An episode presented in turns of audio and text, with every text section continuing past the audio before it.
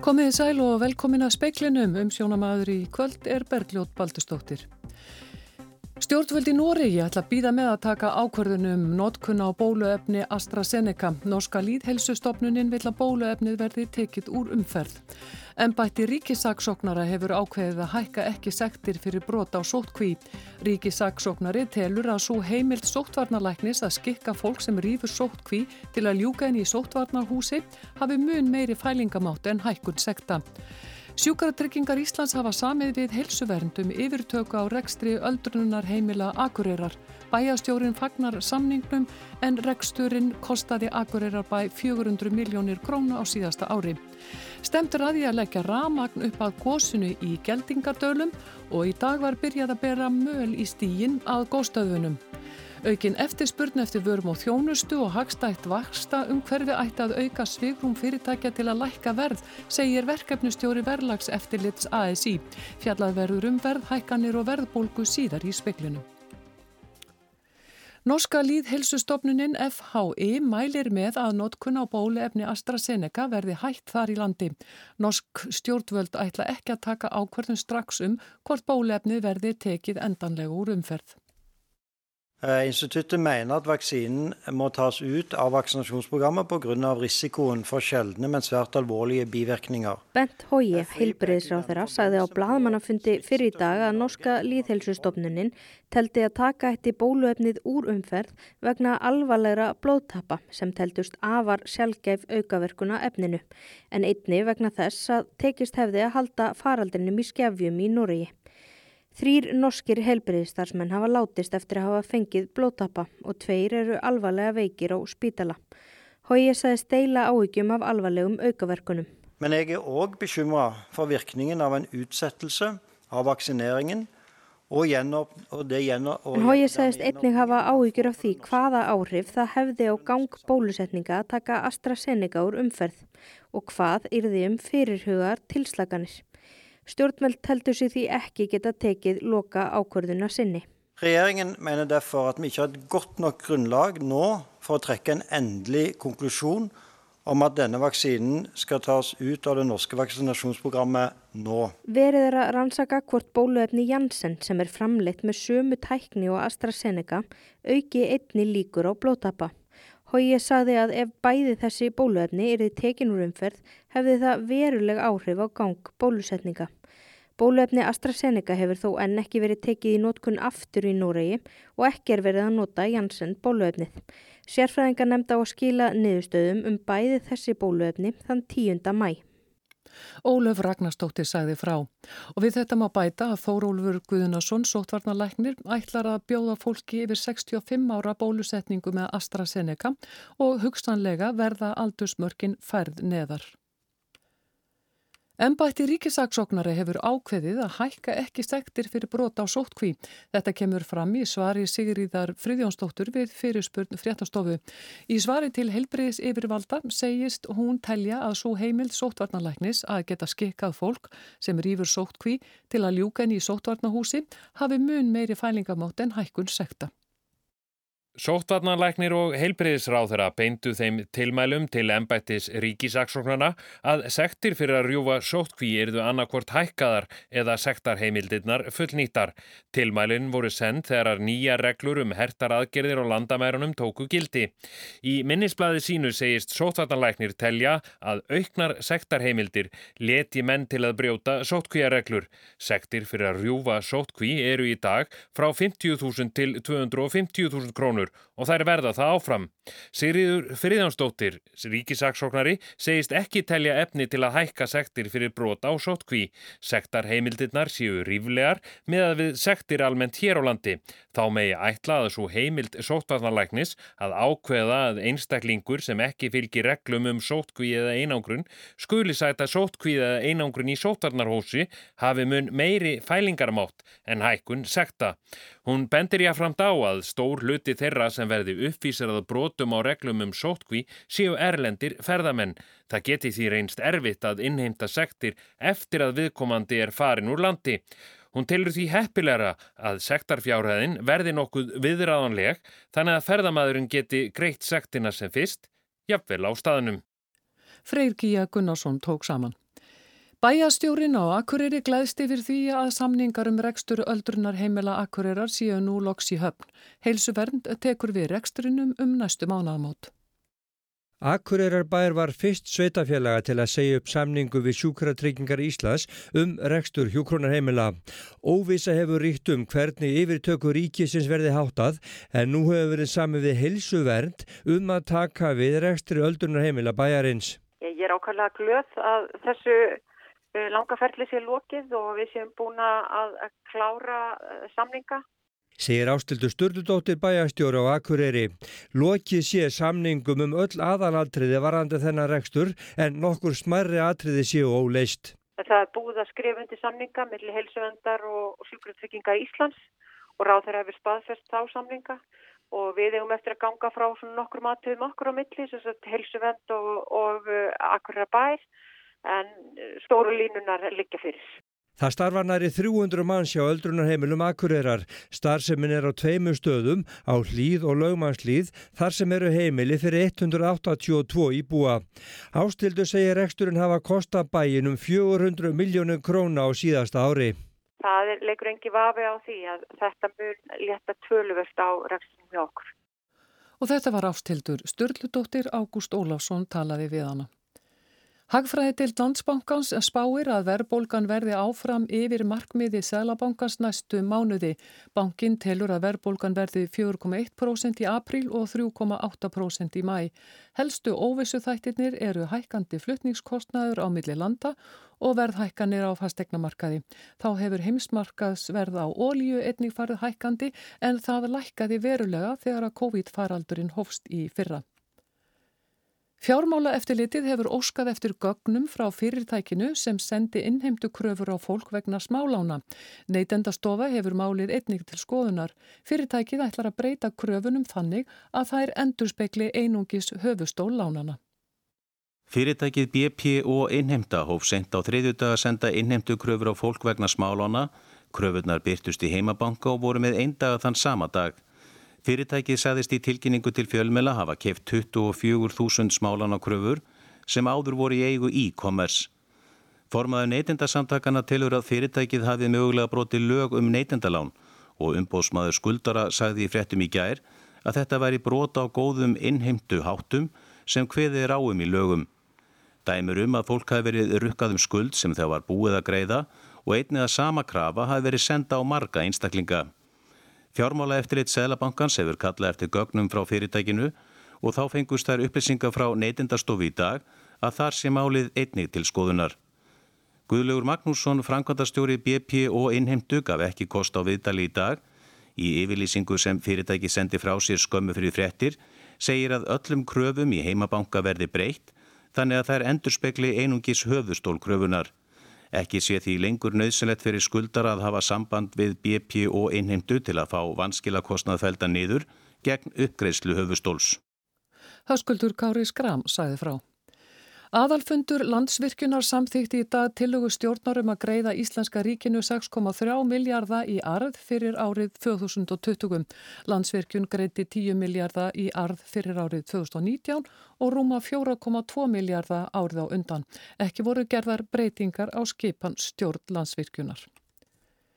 Skoða þarf hvort vistun kvenna og karla saman í opnum fangelsum taki næjanlegt mið af öryggi og þörfum kvenna. Þetta kemur fram í skýrslu setts umbósmanns altingis. Skýrslan byggir meðal annars á viðtölum við fanga og starfsfólk fangelsisins á Sogni í Ölfusi en umbósmaður heimsótti fangelsið í oktober 2019. Umbósmaður gerir þó nokkur aðtóðasemdi við réttindi aðbúnað og meðferð fanga Þeim tilmælum er bengt til fangelsisins að bæta upplýsingagjöf til þeirra sem er að hefja afplánun og sérstaklega hort til þeirra sem ekki skilja íslensku. Þá þurfum við að bæta loftgæði á sumum stöðum innan fangelsisins. Umbóðsmaður telur einni að skoða þurfi betur hvort vistun kvenna og karla í opnum fangelsum taki nægilegt mið af öryggi og þörfum kvenna. Konur séu líkleri til að verða fyrir kynferðisleiri áreitni við slíkar aðstæður og því þurfu vistaverur kvenna að vera fullu aðskildar frá vistaverum Karla. Höskuldur Kári Skram sæði frá.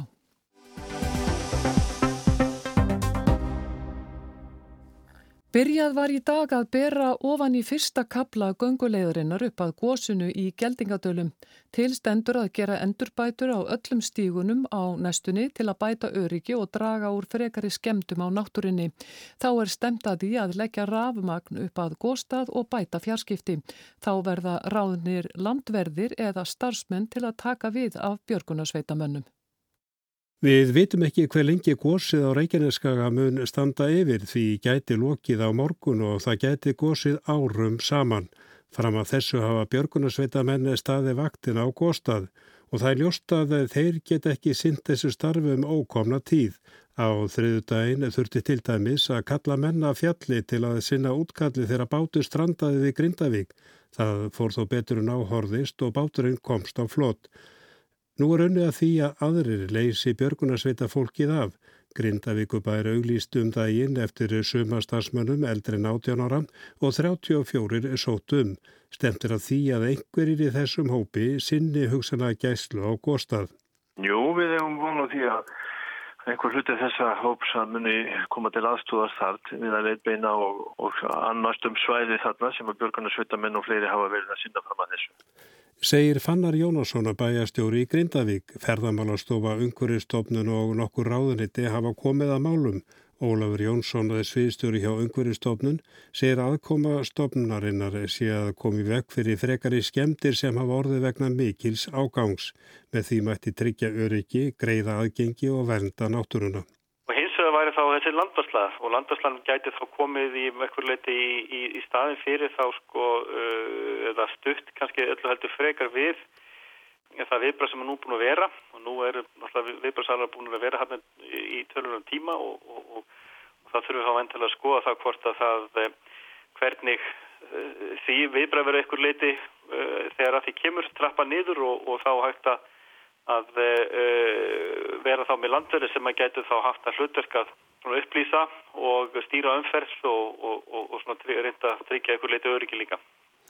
En hvað vil ég menn ganga langt með það að leggja að? Sko það er náttúrulega líkur kannski ekki ljóst fyrir á þessum, þessum uh, tímapunkti það sem að, að líkur þó kannski uh, ljóst fyrir að það hafa alltaf orðið ákveðnar sko bara reynilega skemmt vegna ágangs. Það er alltaf mjög vinsæl áfangastæður og, og, og hérna, þetta veðst út og í, í svona vorleysingum kannski eitthvað litið svo hefur verið núna hlýju veðri og þá er ég ekkert alveg tilbúin til að takast á við þessa, þessa fjölda sem þetta kemur og, og stígar sem hafa verið lagðir eða stikaðir að þeir náttúrulega hafa breyka töluvert og vaðist út og það sé töluvert og gróðurri þarna og nöðsöld er þá að taka það eitthvað litið saman. Þar að segja að, að, að draga úr þessu álægi eða ágangi sem hafa verið þá með þá að tryggja betri, eitthvað leiti betri innvið þá við að tala um þá mögulega að bera ofan í þarna eitthvað stíga skilgjörðu þá betri, betri þá við svæði sem að uh, fólk myndi þá lappa um og hafa þá vantilega áframleiða A og B. Og, uh, og það væri þá svona fyrsta kastið. Og svo væri kannski hérna, má segja eitthvað lengri tíma verkefni eða setjum tíma verkefni uh, að, að skoða þá mögulega eitthvað framhald á, á, á slíkum aðgerðum nær góð stöðunum, getur við sagt. Og þá eru við kannski fyrst og fremst að tala um þá núna fyrstakastið að þá svo að tryggja þá betur þetta, þessa náttúru vend má segja nær bílastæðunum. Gósvæði var lokað í dag og sá tími var notað til að leggja ofan í burða á fyrsta kapla gunguleiðarinnar að góðstöðunum 600 til 800 metra frá þjóðveginum að borgar fjalli. Þessi leið hefur verið nokkuð erfið yfirferðar. Fannar Jónasson að bæjastöru Grindavík segir að sótaði verið um framlög frá ríkinu til að bera í stígan upp á gósinu og jafnframt að það verið lagt ramagn upp á gósinu. Já, það er eitt af því sem að menn hafa verið að undirbúa og reyna að bæta ástandið, ekki bara út af ramagninu sjálfu heldur til þess að knýja senda og fjarskipta senda sem að núna eru, eru keirðir að dýrsastöðum þannig að það er, er verkefni sem verið að vinna í ymitt þessu dagana. Og síðan þarf að vera þarna rammagn eh, ef þetta verður framtíðastafur til að leggja upp í, gungulegðina að, að góðstöðunum þá þarf að vera rammagn hægt á bílastæðinu. Þannig að það er verið að vinna því að reyna að koma því núna á, á laginnar Og að bæta stígarna og, að, Já, og að keira í stígarna líka. Það eru landegjöndur sem þetta langt mest með þetta að gera en til þess að þeir geti gert það þá verða þeir að fá fjármagn og, og það er það sem við vonumst til líka að sé svona lokamöturunum að, að sé að hægt að fara að bera í þess að stíga möl til þess að þeir vaðist ekki svo nút og, og vestni sífælt á hraunni verði til að spilla hrauninu. Það kostar alltaf peninga til greina kemur að nýta ráðningastyrki sem er í bóði núna til sex mánuða til að ráða stafsmenn. Ekkert hefur verið ákveði í þeim efnum enn sem komið er. En leggur umhverjastofnun áherslu á að þetta verði landverðir. Við erum bara rauninni að ljúka við gerð bara minnisblad sem að sem að, verður þess að aðfinn stjórnvöldum til þess að átti sig á því hvað aðgerði það eru sem er nöðsöld að grípa til á þessu tíma og hvort sem að það verði í rauninni sko bara bæjastarsmenn eða, eða, eða einhverju aðri sem að munu, munu þá uh, fá þetta hlutverk, það, það getur verið ímislegt til í því. Við, ég nefni hérna landur vegna þess að við teljum að það er alltaf starfsmenn sem að fá þjálfun frá einhverju stofnun við að, að við að sinna uh, vörslu landsins, við að sinna vendu náttúrun og leiðbenningum til ferðamanna og það getur bara vel passað að slíkið starfsmenn geti henda vel í þetta verkefni. Og þetta var Ólafur Jónsson, Arnar Páll Haugsson tók saman.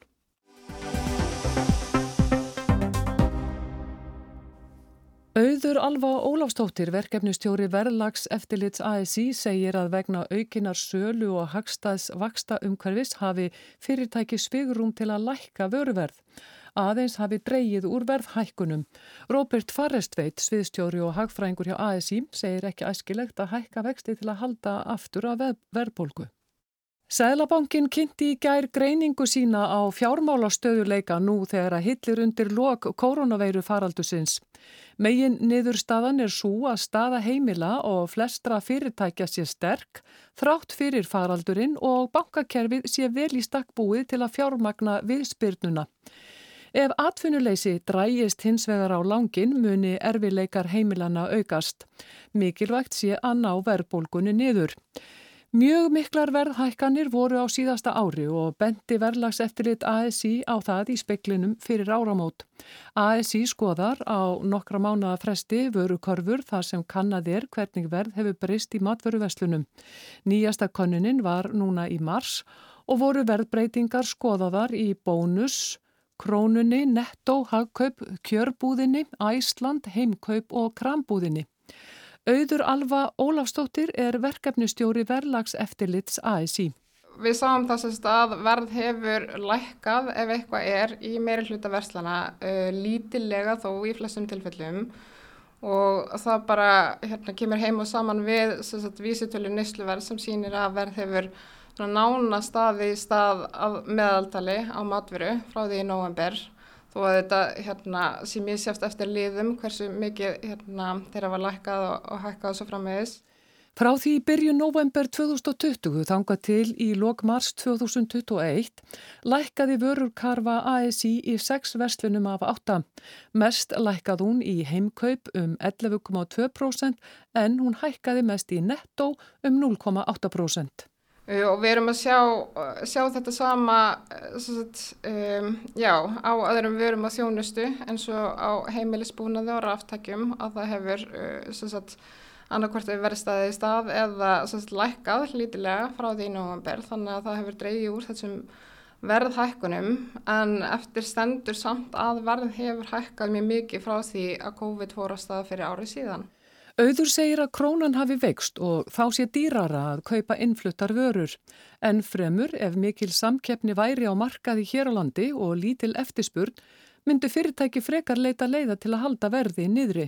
En hefur, hefur gerst í raun og veru eftirspurn hefur aukið skriðalega mikið og velta hjá hérna, dagveru vestlunum, matveru vestlunum ráftækja verslunum og, og hérna, verslunum með heimilisbúna svo eitthvað sé nefnt og fata verslunum líka, hún hefur aukið skrýðarlega á síðasta ári. Þannig að eftirspjörn eftir veru á þjónustu hefur aukist mjög og þannig að það virðist hafa þau áhrif að það er sérst bara minni kvati fyrir fyrirtækinn til þess að halda verðhækkunum eða sérst, já, til að hækka ekki verð. Svipaðar verðhækkanir hafi sést víða Erlendis. Alþjóðastofnanir eins og OECD, Efnahags- og Framfarastofnunin og Alþjóða Gjalderisjóðurinn hafi séð merkið þessum allan heim. Uh, og þeir segja að hérna, auðvitað verið hvetja stjórnvöld til þess að huga að samkefnismálum í kjálfarið að það sé mikilvægt að fylgjast með þróun vegna þessa og eins hvetja er hann að vera fyrirtæki til þess að hugsa til lengri tíma og, hérna, og treysta frekar uh, já, byggja upp tröst við viðskiptafinni og velta nýta er hann að vera ekki þetta tækifæri til þess að hækka verð. Og þetta núna hafa aðstæðar breyst og við sjáum að gengi er að styrkjast aftur. Þannig að það að vera fullt svegrum fyrir fyrirtækinn bæði þess vegna og vegna ann annara hagstara þátt að hérna, í, í rækstra umhverfi fyrirtækja bara sem er látt vaksta umhverfi, sögulega látt og hérna, þessara aukina veldu þannig að það ætti að vera fullt svegrum til þess að lækka verið núna. Ásker Jónsson, sælabankastjóri, sagði á vísi.is í gær að verðbólgan undanfarið væri að miklu leiti vegna veikingar íslensku krónunar á síðasta ári. Nú væri gengið að styrkjast og hann byggist við að hærra gengi leiti til þess að verðlag í verslunum lækkaði og hægt er þið að ná verðbólgunni niður aftur. Ef það gerðist ekki, er þið að grípa til aðgerða. Róbert Faristveit er sviðstjóri og hagfræðingur ASI. Já, við teldum ekki æskilegt að hækka vext í núverandi efnaðslegum aðstæðum. Eh, fyrst og fremst að því að það er verðbólguhorfur sem að vestnað undanfarið eru aðalega hráurverð ellendis sem Sælabankin hefur ekki stjórn yfir og síðan fastegnamarkaðurinn sem gæti farið í ítundir verðlag. Eh, við teldum það að veri skinsalega að hafa áhrif á fastegnamarkaðun með öðrum hætti heldur að vaksta hækkun. Almennt atvinnuleysi var 11% í mars en þannig hefur það verið sem sagt í kringum 11% síðan í nóvember. Sko við teljum megin áskorunin að vera að ná niður atvinnleysi á næstu árum. Eh, þar er hópur sem býr við mikið tekifall, langarandi tekifall í einhverju tilfellum, þess að langtíma atvinnleysi er orðið mikið. Eh, það er stóra efnaðslega áskorunin að ná niður atvinnleysinu. Eh, við teldum að vakstahekkaninn í þetta umhverju væri ekki ákvæðar fyrir efnagslífið. Róbert segir að efnahagslegur bati muni að einhverju leiti draga úr atvinnuleysi. ASI hafi áhyggjur af því að komið verði út úr kreppunni með herra kerfislegt atvinnuleysi heldur en áður var og því þurfi að mæta með öðrum úrræðum. Stjórnvöld þurfa að koma fram með úrbætur til að bregðast við atvinnuleysinu. Já, við heldum að, ímsar úrbætur sem myndu til dæmis eh, efla atvinnuleitindur í að leita sér að nýri þekkingu, mentum fyrir einstaklinga sem eru á eh, fullónusaldri og yfir allan starfsaldrin og ímis úrræði til að hjálpa aðurleitum að koma aftur inn til starfa væru góð fjárfæstíka hálfins óbembera. Eh, þannig að það þarf að bregðast við ímsum áskorunum með slíkum hætti. Við höfum raun og veru áhyggjur af því að eins og núverandi fjármáláallun gerir á fyrir að háa atvinnuleysi á næsta árum og við teljum að það skorti skýra sín frá stjórnvöldum hvernig ég að ná þessu atvinnuleysi niður. Og þetta var Robert Farrestveit, áður herðist í auðu Ölfu Ólafstóttur.